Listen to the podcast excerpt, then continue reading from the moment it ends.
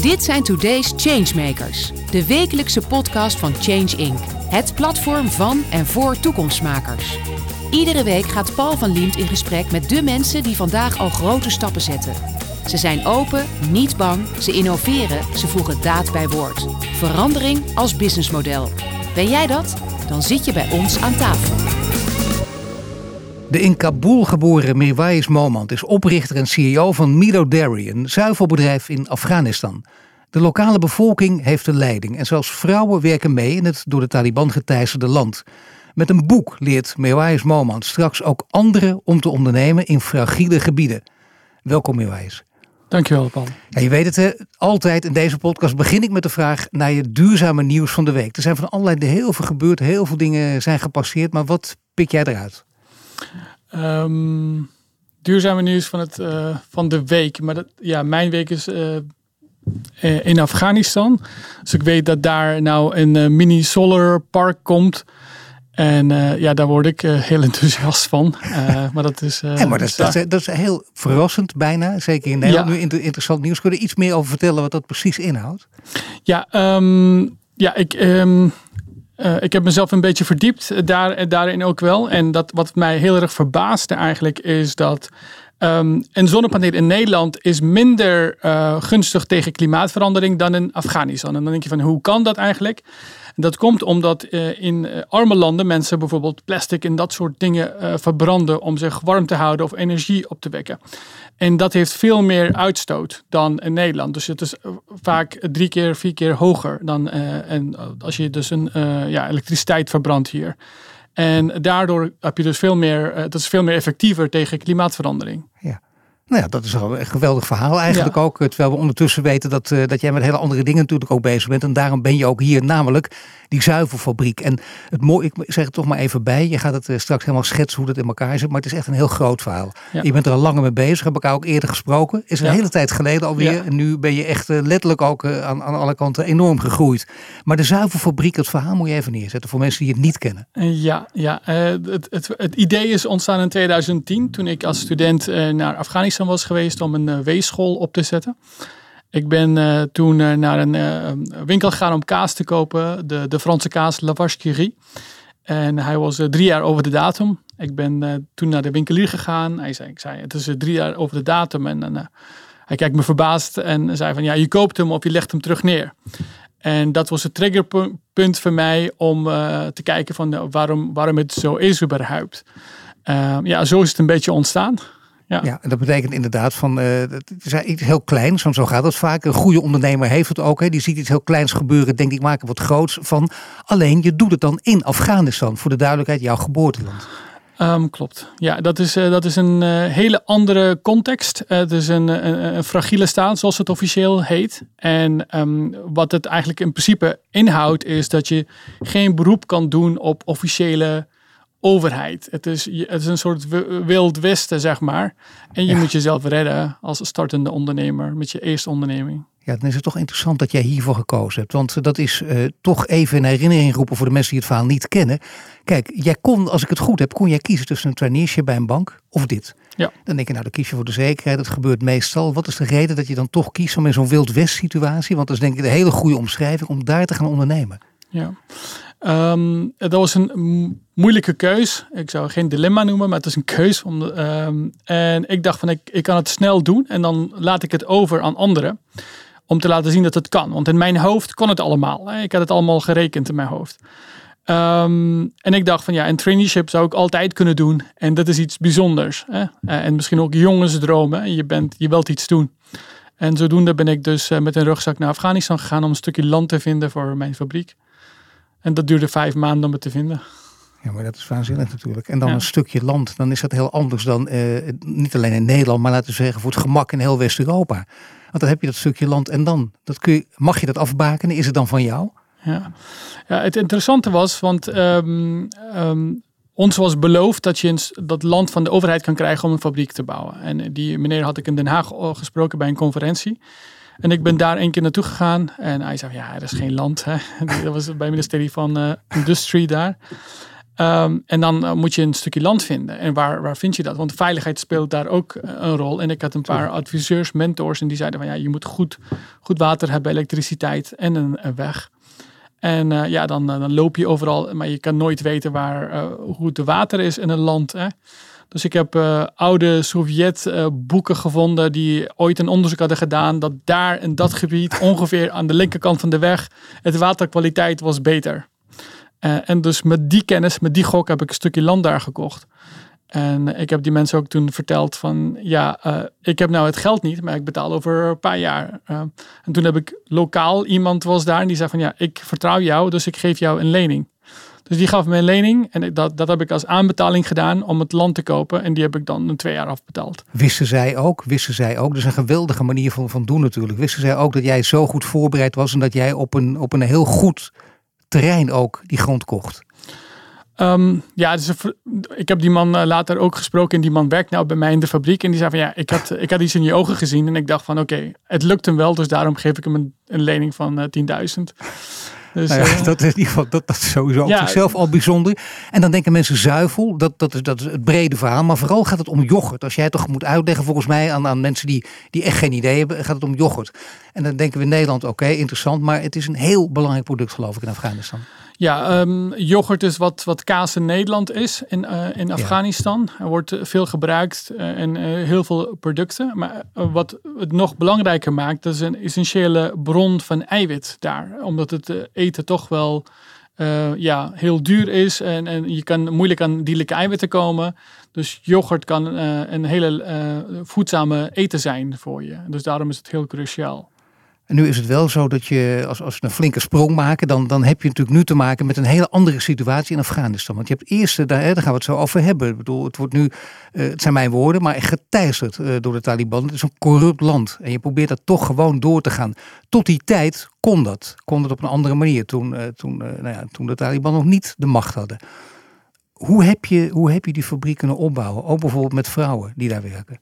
Ja, um, op dit moment bedoel je? Nee, eerst. eerst, Voor, voor de Taliban. Uh, voor de Taliban. Um, ja, wat we gedaan hebben is vanaf het begin om uh, zoveel mogelijk de overheid te vermijden. Dat was altijd uh, de, de, de strategie die we hadden. Want de overheid was vrij corrupt, zoals je het goed opmerkt. En um, we hebben ook heel goed gekeken naar wat er cultureel wel mogelijk is en wat niet mogelijk is. Ik heb een paar keer geprobeerd dingen heel veel te veranderen. Maar dan kom je toch dat, uh, tot, snel tot de conclusie dat het een conservatief land is en je moet niet snel heel veel dingen veranderen. En door heel veel thee te drinken en heel veel te praten, je wordt steeds uh, uh, beter. Je snapt en mensen hebben dan ook vertrouwen meer in jou. En dan, dan gaat het wat makkelijker. Maar dan gaat het zo makkelijk dat dus ook vrouwen mogen werken in, in de fabriek. Is dat heel bijzonder of niet? Of is het toch eigenlijk een soort naïeve visie vanuit Nederland? Kon dat toen op meer terreinen? Ja, we hadden toen uh, voornamelijk vrouwen bij de, bij de kantoor. Want we hebben een kantoor in de stad. We hebben een fabriek net buiten de stad. En, en die werkte dus bij de marketing, finance en uh, juridische gedeelte. Uh, nu de, de, de huidige machthebbers zijn gekomen, die, moet, die moesten gewoon stoppen. En uh, sommigen werken misschien uh, vanuit huis bepaalde opdrachten kunnen ze doen, maar ze mogen niet uh, veel werken. Nee, want dat is een van de veranderingen sinds de Taliban de macht in handen hebben. Maar wat nog meer? Wat is nog meer veranderd voor jou en voor jullie? Ja, wat voor ons is, is veranderd, is voornamelijk dat onze klanten weinig koopkracht hebben. Dat is de, een van de veranderingen. Het is ook Um, dat nu um, de, als de, de centrale overheid van de Taliban een besluit neemt, dan wordt het uh, meteen ingevoerd, uh, ongeacht of je wel winst maakt, niet winst maakt, wat de situatie is. Bijvoorbeeld laatst hadden ze gewoon een, uh, een bericht gestuurd dat wij rioleringsrechten moeten betalen. We hebben helemaal geen riolering daar. Maar we gewoon, ik, heb, ik heb die commandant gesproken. En, dus ik kreeg uiteindelijk hem aan de lijn. Uh, en uh, hij was dus in de fabriek en hij wilde alles sluiten. En ik zeg van, ja, maar er ligt geen riolering. En hij zegt van, maar dat is toch ook niet bedoeld, dat belasting. We willen gewoon geld hebben. En ik zei van, oké, prima. Dat is dan oké. maar oké, vanaf nu dan? Hij zegt, nee, voor de komende, van, van de afgelopen tien jaar sinds jullie bestaan. En um, ja, dus hun logica is heel anders. Maar, um, maar je moet daar wel in meegaan. Je kunt tot bepaalde hoogte onderhandelen, maar je moet hier gewoon in meegaan, want anders word je direct gesloten. In principe, als je niet meewerkt, dan, uh, dan, ja, dat, dan, uh, dan is het niet goed. Dus ze zijn heel erg strikt met hun regels. Uh, dat, dat heeft iedereen gezien, denk ik. Ja, als ik het mag zeggen, nogmaals mijn woorden, maar dat is de ouderwetse maffia-methode die we, die we gewoon uit alle speelfilms ook kennen. Dat je op deze manier gewoon volledig onder druk staat. Ja, ze, ze zijn heel erg goed met het innen van, van de belastingen. Hè. Zo beschouwen ze, zij dat. Hè. Ze, ze beschouwen dat als een belasting. Maar ze doen niks voor terug. Waar dat geld naartoe gaat, dat weet niemand. Maar aan de andere kant, uh, zij, op, ja, ze, hebben, ze krijgen geen ondersteuning, geen hulp van, van, van de buitenwereld. Dus uh, ze proberen gewoon linksom, rechtsom geld binnen te halen. En dat zie je ook dat zelfs mensen die voor de Taliban werken, die worden ook net zo hard aangepakt om belasting te betalen. Waarom is het dan toch voor jou nog interessant om hier je bedrijf in stand te houden? Ja, uh, financieel is het helemaal niet interessant. Het is puur omdat uh, wij hebben mensen die bij mijn bedrijf werken, die beschouw ik als een soort familie. En we zijn gehecht aan elkaar en um, wat ik ook voel is, op het moment dat ik morgen de fabriek sluit, dan de 200 boeren die verbonden zijn en de medewerkers, die komen dan op straat. Die hebben dan geen ander inkomen. En daar zitten bij de boeren vooral zitten heel veel vrouwen. Uh, want veehouderij is van, van traditioneel in Afghanistan een vrouwenzaak. Um, ja, dus dan, ja, iedereen kijkt naar je en op, op een of andere manier geeft dat veel kracht om toch door te gaan. Maar goed, eh, je bent ook ondernemer, je wil ook winst maken, je wil groeien. Uh, Word jij gesteund aan alle kanten, zodat je dit toch waar kunt blijven maken, ook financieel? Um, helaas niet. Helaas uh, 0,0. Um, we hebben gesprekken gehad ook met, met de Nederlandse overheid. Um, nee, er is, er is geen steun. Er is, want nog steeds, als je kijkt naar de, naar de ontwikkelingshulp, er wordt onderscheid gemaakt tussen privaatsector en traditionele ontwikkelingsorganisaties. En uh, daar gaat dus heel veel geld naartoe, uh, want dat zien ze dus als de, als de oplossing. En uh, private sector kan je gewoon geld krijgen op het moment dat je dan bij de Wereldbank of IFC komt, maar dan praat je over 10 miljoen dollar lening en dergelijke. En dat, we zijn te klein daarvoor. Maar toch is het uh, vanuit, uh, als je naar de Nederlandse overheid kijkt, niet verbazingwekkend dat ze dit project, ze zien hoe lang het loopt, ze zien met wat voor intentie je dit doet. Ze kunnen het allemaal controleren, dat ze dit niet steunen. Ja, um, ja dat, dat zeggen mensen van buitenlandse zaken tegen mijzelf ook. En um, iedereen vindt het heel leuk, heel volgens mij een van de weinige projecten die Nederland ooit heeft gesteund, die nog daar draait. Ja, um, we hebben heel veel ambassadeurs daar uh, op bezoek gehad destijds. Maar um, ja, de, de meeste beslissingen worden ook op een soort politieke niveau genomen. En, uh, en ja, blijkbaar kan het dus niet. Dat heb je natuurlijk aan alle kanten ook geprobeerd. Maar ik zeg al, je bent wel ondernemer en zo. Je gaat natuurlijk niet alleen, want zo klinkt het bijna als een soort liefdadigheid. En ik snap heel goed dat je die familieband hebt. Het is, het is, een totaal andere situatie dan wij ooit zullen kennen hier. Maar je, je moet er geen geld op toeleggen. Ja, op dit moment gebeurt het wel. En um, ja, natuurlijk willen we gewoon oplossen. We willen eigenlijk eh, ook andere producten ontwikkelen. Bijvoorbeeld uh, ondervoedingsproducten. Daar waren we redelijk ver voor met, de, met de VN. Om daar een oplossing voor te bieden. Maar um, ja, dat heb ik opgeschreven. Dat is uh, de zo, want die wou ik niet vergeten. Het product heet Fortified Food. Meteen een goed uh, middel echt tegen ondervoeding. En een enorm middel ook. Want uh, als ik de cijfers goed heb, 1 miljoen kinderen overlijden aan ondervoeding in Afghanistan. Als er niets gebeurt. Dus ja, dat is nogal wat. Waar, liepen die onderhandelingen dan op stuk? Um, ja, dat is, uh, dat is nog een bijzonder verhaal. Um, ik ben ooit uh, erachter gekomen dat ze bij de VN uh, daar ooit machines hebben ingevoerd om die ondervoedingsproducten te maken. Dat, zijn, dat is RUSF. Um, dat is een product dat wereldwijd geaccepteerd is tegen behandeling van malnutritie of ondervoeding. Dus ik heb gevonden dat VN heeft die machines ooit ingevoerd heeft en nooit heeft iets mee gedaan. Ik heb met de behulp van de toenmalige ambassadeur van Nederland heb ik een gesprek gekregen met de VN-directeur. En die zei van ja, oh ja, die machines hebben wij ergens, maar we doen er niks mee. Ik zei van, ik wil hem gewoon graag overnemen en kan ik hem gewoon gebruiken, installeren. Um, en kan ik die producten maken die jullie nodig hebben, die jullie importeren uit Frankrijk en Denemarken. En ik had ook afspraken met, met de leveranciers. die, die hadden allemaal financiering, alles getekend zeiden van ja, geweldig idee. Uh, kom een keer langs. Dus ik ben naar Kabul gegaan net voor de, voor de val.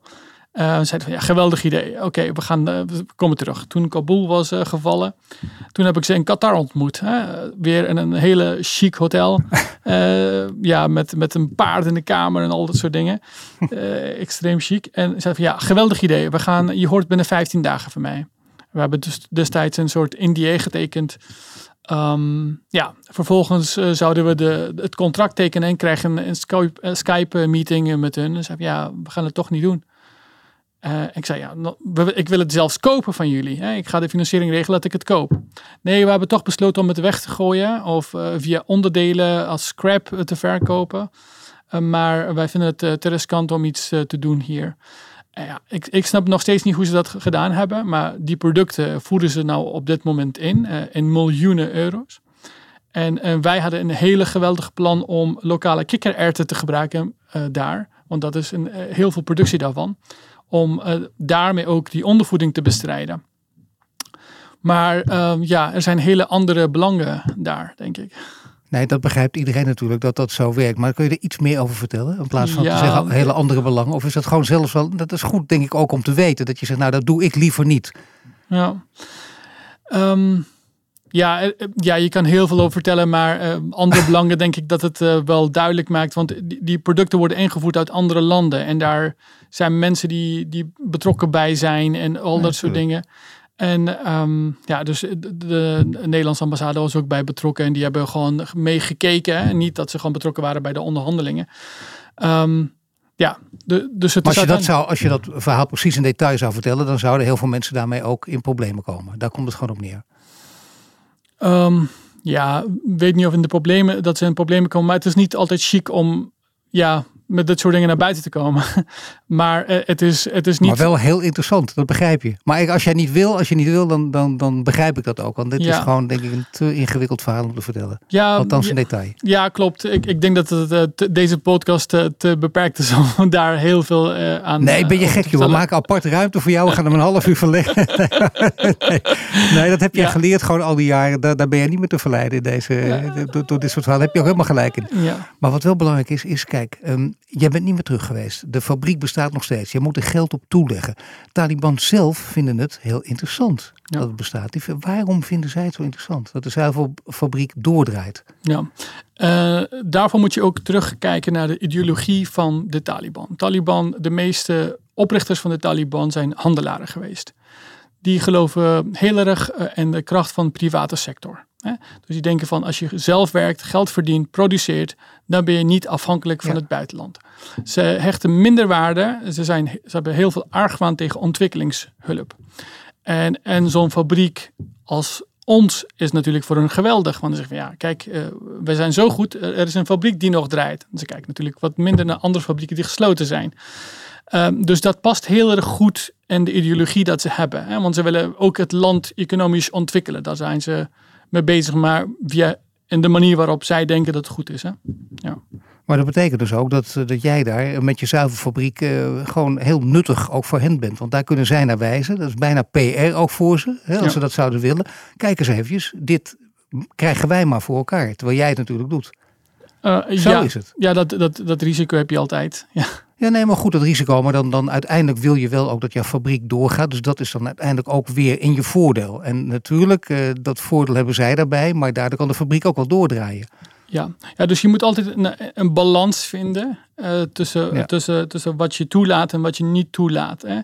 En voor, voor, voor mijzelf is het ethiek heel erg belangrijk. Je kijkt heel erg goed vanuit het bedrijf. En of het, of het wel winstgevend is of niet winstgevend is dat, dat interesseert me vaak niet zo heel erg. Uh, dus en, en dat zorgt ervoor ook dat op een of andere manier uh, mensen jou respecteren. Want ze weten gewoon dat je niet te verleiden bent met, met geld.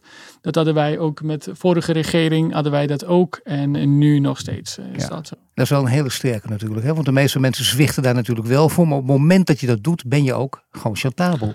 Ja, ja. op het moment dat je iets accepteert. Op het moment dat je dan... Um, heel erg meegaat met, met, met de verleiding om iets te doen. En want dat is, eh, ja, want het bedrijf is financieel op dit moment niet heel erg sterk. Ja, dan ben je gewoon kwetsbaar. Uh, maar ja, dan, ben je, dan, ja, dan uh, is het einde. Heeft het bedrijf wel perspectief? Ja, ik, ik denk het wel. Ik denk dat ehm, we hebben een, een geweldig grote fabriek daar. Met een, heel enthousiast team. die dag en nacht autonoom bijna werkt. alles loopt gewoon goed. En het is een, een product dat heel erg nodig is op een van de moeilijke plekken van de wereld. Wat wel lastig is op dit moment, is uh, er zijn sancties op Afghanistan, niet op Afghanistan als land, denk ik op de Taliban zelf. En daardoor is het hele financiering en hulp en alles is uh, gestopt daar. En ook uh, de, de koopkracht van mensen is gedaald. En daardoor ben je in een situatie dat eigenlijk buiten je eigen macht ligt als een, als een fabriek. Uh, en dat maakt het moeilijk. Dat is net zo goed in Nederland als je een coronasituatie hebt en je krijgt geen geld van de overheid, dan ga je failliet. Je bent natuurlijk een, een, ondernemer met een enorme drive, dat kan niet anders. Uh, een, een, hele sterke ondernemer met een duidelijke eigen wil die ook ethiek van groot belang vindt. En dat ja. moet zeker in deze situatie, anders kan het niet. Dus je zou bijna zeggen, dat schreeuwt om een boek. Je wil anderen met ze helpen ondernemen. Ik heb begrepen, als het niet zo is moet je mij corrigeren, maar dat je ook bezig bent met een boek om, om anderen te helpen goed te ondernemen. Ja, um, ze kunnen geen Weerwaaiers moment worden, dat wil ik even bij. Er is er maar één van, hè? maar ze, je probeert ze wel eh, verder te nee, Ik denk dat de anderen misschien nog beter doen dan mij. Maar wat, wat ik zou, als, het, als ik het ooit afmaak, uh, wat zou helpen is, wat doe je als je dan uh, in zo'n moeilijke situatie gaat ondernemen? En want er gaan, zijn steeds meer jongeren die denken van ja, ik ga iets doen in Afrika, ik ga iets doen in, in Zuid-Amerika, waar de situaties min of meer hetzelfde zijn, of Midden-Oosten. En wij hebben dan in, in onze business schools hebben we gewoon weinig um, materiaal om iemand voor te bereiden. We hebben gewoon geweldig materiaal om iemand voor te bereiden om een corporate life in te gaan. Maar wat doe je als je dan een, een, een solar park in, in Afrika neerzet? Hoe ga je dan uh, met dingen om? Uh, en um, dus alles wat ik zelf heb gemist en wat ik heb geleerd, probeer ik gewoon misschien in dat boek te verwerken. Ja, je zegt misschien, want het is natuurlijk een enorme klus en kluif om dat voor elkaar te krijgen. Zo, het is niet ja. zomaar gedaan. Maar dat, dit is ook wel iets, een, een lange termijn project ook. Je hebt het nu even terzijde geschoven? Of, of ben je er ook ben je nog steeds aan, nu aan het schrijven? Ja, het is, het is een, schrijven is altijd een moeilijk proces. Hè? Dus ik, ja. ik schrijf dingen op en dan kijk ik naar en dan denk ik, oké, misschien is het goed. Maar je kan ook niet alles schrijven wat je meemaakt. Hè? Dus dat is ook, maar dus uh, ja, daar ben ik mee bezig. Met, ik ben ook met heel veel andere dingen bezig. Dus nou, noem eens een paar dingen waar je nu mee bezig bent. Uh, ik ben uh, bezig met een studie op dit moment. Um, dat richt zich vooral op het uh, waarderen van bedrijven. iets wat ik ook heel erg gemist heb in mijn zaak als ondernemer. van hoe ga je een, een, een social enterprise, hè? Dat, dat is eigenlijk een beetje waar, ja, wat wij zijn. Ja. Hoe ga je dat waarderen? Want een normale bedrijf die kijkt naar de cost of capital, zoals ze het noemen. van hoeveel rentekosten ja. heb jij en wat, wat is je rendementverwachting? Maar we zijn nu die fase voorbij. We, we komen naar een andere fase waarin de, de, de sociale en ecologische uh, voetafdruk ook meegenomen moeten worden in die cost of capital. Uh, en ik had dus, ik merkte zelf dat ik daar gewoon minder verstand van had. Uh, en dat is dus ook een moment voor mij om even te stoppen en ook mezelf even te verdiepen en, en misschien iets te leren. Maar dat is een hele belangrijke ontwikkeling natuurlijk ook. Vind, je het ook een ontwikkeling die, die laten we zeggen, voor jou persoonlijk prettig is en goed en ook aan te raden? Het is voor de wereld en de maatschappij ook, maar een ontwikkeling die die ook in jouw hoofd zit? Waarvan je zegt, ja, dit is onherroepelijk, het gaat die kant op en ik wil ook dat het die kant op gaat? Ik denk dat niks vanzelf gaat. Uh, we moeten voor werken. We moeten gewoon uh, ons dwingen om op een andere manier na te denken. Het gevaar is ook wel dat er heel veel greenwashing gaat plaatsvinden. Ja. We moeten gewoon heel bewust zijn van ja, hoe gaan we dat aanpakken? Hoe gaan we, uh, wat, is, wat is rendement, wat is winst voor ons als maatschappij? Hè? Is het altijd in, in geld uit te drukken of is het ook een, een leefbare omgeving uit ja, te dit drukken? Houdt, natuurlijk, dit houdt wel in dat je op een hele andere manier over succes gaat nadenken. Een hele andere definitie daar ook aan geeft. Ja. Volgens mij, als ik jouw levensverhaal goed begrijp, dan is dat iets wat gewoon, ja, wat, wat helemaal in, in, in jouw manier ja. van denken past. Klopt. Ja, je, je moet uh, een shift maken. En dat is, uh, een verandering is altijd lastig. Het maakt niet uit in welke situatie dat je zit. Maar uh, ja, dus dat is een van de dingen die, op dit, die ik op dit moment doe. Um, ik heb wat, wat kleine nevenfuncties. en ja, ik denk ook om misschien aan een start-up hier in Nederland om iets te, te doen. Dus ja, je, je vindt me kun, niet kun, zo vaak op straat. Nee, dat begrijp ik. Maar mag je er al iets over vertellen? Over, over die start-up waar je mee bezig bent? Ja, het is... Um, ik heb me een tijdje verdiept en, en, en abonnementengedrag dat we hebben. Ik heb wat, wat nieuwkomers begeleid die naar Nederland komen. En ook wat, uh, wat oudere mensen die ik ken. En wat je ziet dus dat die mensen gewoon heel veel geld kwijt zijn aan abonnementen. En dat ze soms abonnementen niet nodig hebben of niet weten wat, dat ze het op tijd moeten stoppen. en daardoor zijn ze gewoon heel veel geld kwijt. En, en, financieel gaan ze achteruit en dat heeft invloed op hun gezondheid, uh, financiële situatie, alles. Maar wat we ook nog niet weten, wat nog uh, sterker is, is we weten helemaal niet um, wat het invloed van ons abonnementengedrag is op het milieu en op sociale leven. Want uh, wat is het invloed uh, van uh, dat je een maand een Netflix abonnement hebt en je, bent, je hebt hem niet nodig, maar je hebt hem aan laten zetten? Uh, wat is het invloed daarvan op CO2-afstoot van, uitstoot van, uh, van Netflix datacenter? En uh, dat, dus ik probeer gewoon ook misschien nog dieper op in te gaan van dat de financiële gedeelte, dat is heel belangrijk, maar ook um, tenminste, ik heb het niet kunnen vinden dat er iets is dat duidelijk maakt van welke invloed dat heeft op het milieu. Maar dat kan bijvoorbeeld Netflix heel veel abonnees kosten. Als jij je werk goed doet, als je start-up dadelijk ook gaat draaien en zo, dan heb je wel meteen een, uh, ook een tegenstander van formaat. Nou, die, ken je, die, die, die, die tegenstander die je in Afghanistan hebt, eh, die kan niemand overtreffen. Maar Netflix wil je ook niet tegen je hebben. Nee, maar dat is, dat is, ik denk dat uh, zelfs uh, zo'n partij wil dat hun abonnees blij zijn. Hè? Dus, ehm, maar je kan ook een, een andere, want gemiddeld in Nederland hebben mensen volgens mij 15 abonnementen, zeggen ze. En per oh, maand is, ja. ben je 15 um, 50 euro kwijt uh, aan extra kosten die je maakt. Hè. Uh, en dan, maar mensen weten helemaal niet van waar moet ik zijn, welke keuzes zijn verantwoord hè, van twee verschillende aanbieders. En die, die, ja, dat is het een beetje het idee. Ja alles wat jij doet is toch, denk ik, internationaal gericht. Ik bedoel, zo, dat, dat is jouw blik, uh, jouw manier van kijken naar de wereld ook. Uh, meerdere talen spreken, meerdere culturen rondkijken. Gewoon veel meer weten dan alleen maar met die Nederlandse blik uh, in de maatschappij staan. En je, dan heb je dus ook netwerken nodig en internationale netwerken. Ik heb begrepen dat je ook die netwerk hebt opgebouwd bij, bij het World Economic Forum, bij, de Horizon, bij het Horizon Global Network. Ja. Kun je daar eens over vertellen? Want dat is wel interessant. Dus er willen veel mensen heel vaak. Daar wordt ook op verschillende manieren tegen aangekeken. Maar wat zijn de voordelen die deze netwerken jou geboden hebben? Ja, uh, ik weet wel dat de World Economic Forum op dit moment heel erg uh, negatief in daglicht staat uh, soms. op Twitter als je dan bepaalde dingen ziet. Maar wat ik daarvan geleerd heb is... Um, er zijn heel veel mensen die een idee hebben om de wereld te verbeteren. En um, vaak als je alleen bent, dan denk je van ik ben gek. Hè? Maar als je dan in zo'n ruimte komt, denk je van oh, er zijn nog meer mensen die gek zijn. Hè? Of we zijn misschien nog gekker dan ik. Zeg maar. En dat is de kracht daarvan, heel kort gezegd. Dat je dan ziet van oké, er zijn ook andere mensen die gek zijn. Die durven om uit die hele ratrace waar we gewoon in zijn. Hè? Je maakt je studie af en dan ga je gewoon naar corporate life, koop je een huis. Dan wacht je tot je pensioen hebt dat, dat moeten we gewoon. Uh, ja, er zijn een paar mensen die durven om daaruit te komen. En, en dan uh, ja, dat je ook niet alleen voor jezelf leeft, maar ook voor, voor anderen. Dat je jezelf nuttig maakt. Maar die mensen die kom je daar tegen, maar kom je die dan eenmalig tegen? Of zit je daarmee in een appgroep? Of blijf je daar contact mee onderhouden? Heb je veel meer uh, contact nog met ze door de loop der jaren? Ja, toen, ik, zat ik zit er nou niet mee. Ik, ik ben, ik ben uh, alumni op dit moment. Um, je gaat naar de conferenties, dus je ontmoet ze. En dan heb je, ja, je hebt een website waar je ze kan allemaal opzoeken. Maar natuurlijk, als je jong bent en je ziet, je gaat samen reizen, dan ontwikkel je gewoon bepaalde banden. Dus je kan elkaar opzoeken en, en vragen stellen en je nummers heb je. Ja. Ja, dan vind ik wel het interessante. Uh, kijk, wat, wat jij hebt, hebt, volbracht en waar je nog steeds mee bezig bent met zo'n zuivelfabriek op, op, in zo'n land als Afghanistan is waanzinnig. Ik bedoel, ja, het, het allerergste is dat mensen zich gaan doodknuffelen. Dat doe ik hier totaal niet, hè? Dat, dat weet ja, je. De, de, bedoeling is echt om aan te geven dat je dit voor elkaar hebt gekregen. Dat is heel erg groot.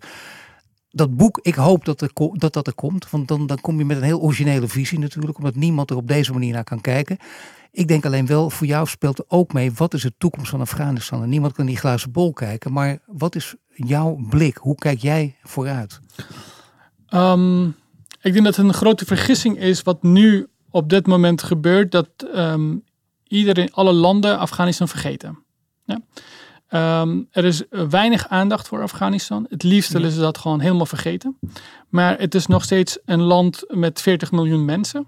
En um, heel cruciaal. Uh, op een of andere manier komt het in de geschiedenis toch wel naar boven. Op, hoe dan ook. Ik denk dat het goed zou zijn om uh, uh, op dit moment in het land te investeren. bijvoorbeeld om asielstroom tegen te gaan. Ik ben gisteren ja, ik ben gisteren bijvoorbeeld in Duitsland geweest, was een begrafenis. En ehm, daar kwam iemand naar me toe. En ik, um, die, die werkte op die begraafplaats. En ik zei van, wie is dat? En dat was een ex-medewerker van mijn fabriek. Kijk. Die is twee jaar geleden uit Afghanistan vertrokken. Ja. En die kwam naar mij toe en was heel blij om mij te zien. En ja, die mensen moest ik toen destijds ontslaan. En die hebben dan uh, ja, de, de route naar Turkije genomen en gevlucht. En je ziet wel dat hoe klein de wereld is nou geworden. Dus dat, dat ik die mensen heb ontslagen. En twee jaar later zitten ze gewoon in Duitsland. En eentje zit in, in Düsseldorf en de andere zit in Frankfurt, zei hij. Dus um, ja, wil je gewoon, de wereld is verbonden. Dus wil je gewoon uh, ja, de, de asielstroom bijvoorbeeld beperken of klimaat, dan moet je ook in die landen zijn. Ja, en dat betekent dus ook dat je niet ook in zo'n land als Afghanistan ook in deze omstandigheden moet opgeven. Want heb je wel het gevoel dat dat gebeurd is, het idee? Ja, dat, het Westen echt Afghanistan gewoon heeft opgegeven.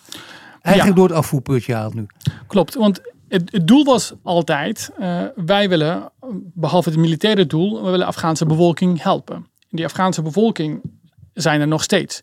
Die hebben dan destijds allemaal beloftes uh, gekregen. Uh, en ja, die zijn helemaal vergeten. meisjes die bijvoorbeeld niet naar school kunnen gaan en die kunnen wel een online klas volgen. Maar wordt vrij weinig gedaan voor hun op dit moment. Ja, maar hoe zou dat kunnen veranderen? Wat, wat zou jij in, in de ideale wereld willen zien? Ik, um, mijn bedrijf samen met vijf andere hulporganisaties die in Afghanistan actief zijn, hebben gewoon een brief geschreven naar de Tweede Kamer. We hebben gezegd van um, focus op een paar punten waar Nederland echt aan kan bijdragen. Dat is dus bijvoorbeeld voedselzekerheid, uh, gezondheidszorg en onderwijs. En projecten die daar gestart zijn, probeer hun te steunen. Maar uh, ja, we hebben gewoon veel andere dingen op dit moment in Nederlandse politiek uh, die aandacht verdienen of aandacht krijgen dan, dan Afghanistan. Is het voor jou een, een mogelijkheid om als een soort ambassadeur hier gewoon, je doet het nu ook in deze podcast, maar om daar nog veel meer lawaai te maken op een goede manier? Ja, als ik het doe, dan is het vaak achter de schermen. Dat doe ik, dat doe ik ook wel. Probeer ze, uh, ja, Afghanistan toch weer op de agenda te kunnen, te kunnen zetten. Maar um, ja, het is, uh, soms uh, is het te lawaaierig en nu is ook de oorlog met Oekraïne gaande. Maar um, ja, we hebben ook twee ministers gehad hè, die vanwege Afghanistan hun baan moesten opzeggen. Dus het ligt heel gevoelig in Den Haag. Het ligt zo gevoelig in Den Haag dat jij denkt de komende tien jaar gaat er gewoon er gaat er niks van komen. Uh, ik weet niet of tien jaar is, maar uh, ja, nu niet op dit moment. Denk maar ik. jouw zuivelfabriek, die hou je in stand. Dat lukt, dat kan. Net zo lang dat ik het kan. Ja, de naam alleen al uh, is natuurlijk uh, te gek gewoon. Ik bedoel, als ik hem goed uitspreek, Mido Dairy. Dat is gewoon toch de naam. Maar ik, ja. ik zou bijna even, ga even googlen, even kijken op die foto's. Dan zie je dat gewoon. Die naam komt overal voor op de busjes en wat dan ook. Je ziet het. Ja. Ziet er heel mooi uit. Ik dank je voor dit gesprek en heel veel sterkte. En vooral ook sterkte met het boek. Benieuwd hoe dat ja, eruit dankjewel Paul. Ja, Oké, okay, dankjewel. Je luistert naar een podcast van Change Inc. Mede mogelijk gemaakt door Ebbingen, Renewy en Vattenfall. Bedankt voor het luisteren naar de Today's Changemakers podcast. Een productie van Change Inc. gepresenteerd door Paul van Liemt. Ben of ken jij een changemaker? Meld je dan snel aan via onze Change Inc. website. Wil je dat meer mensen geïnspireerd worden? Deel de podcast dan op sociale media. Wil je meer afleveringen luisteren? Volg ons dan nu via je Spotify, Apple Podcast of je favoriete podcast app. En krijg een melding wanneer er een nieuwe aflevering online staat.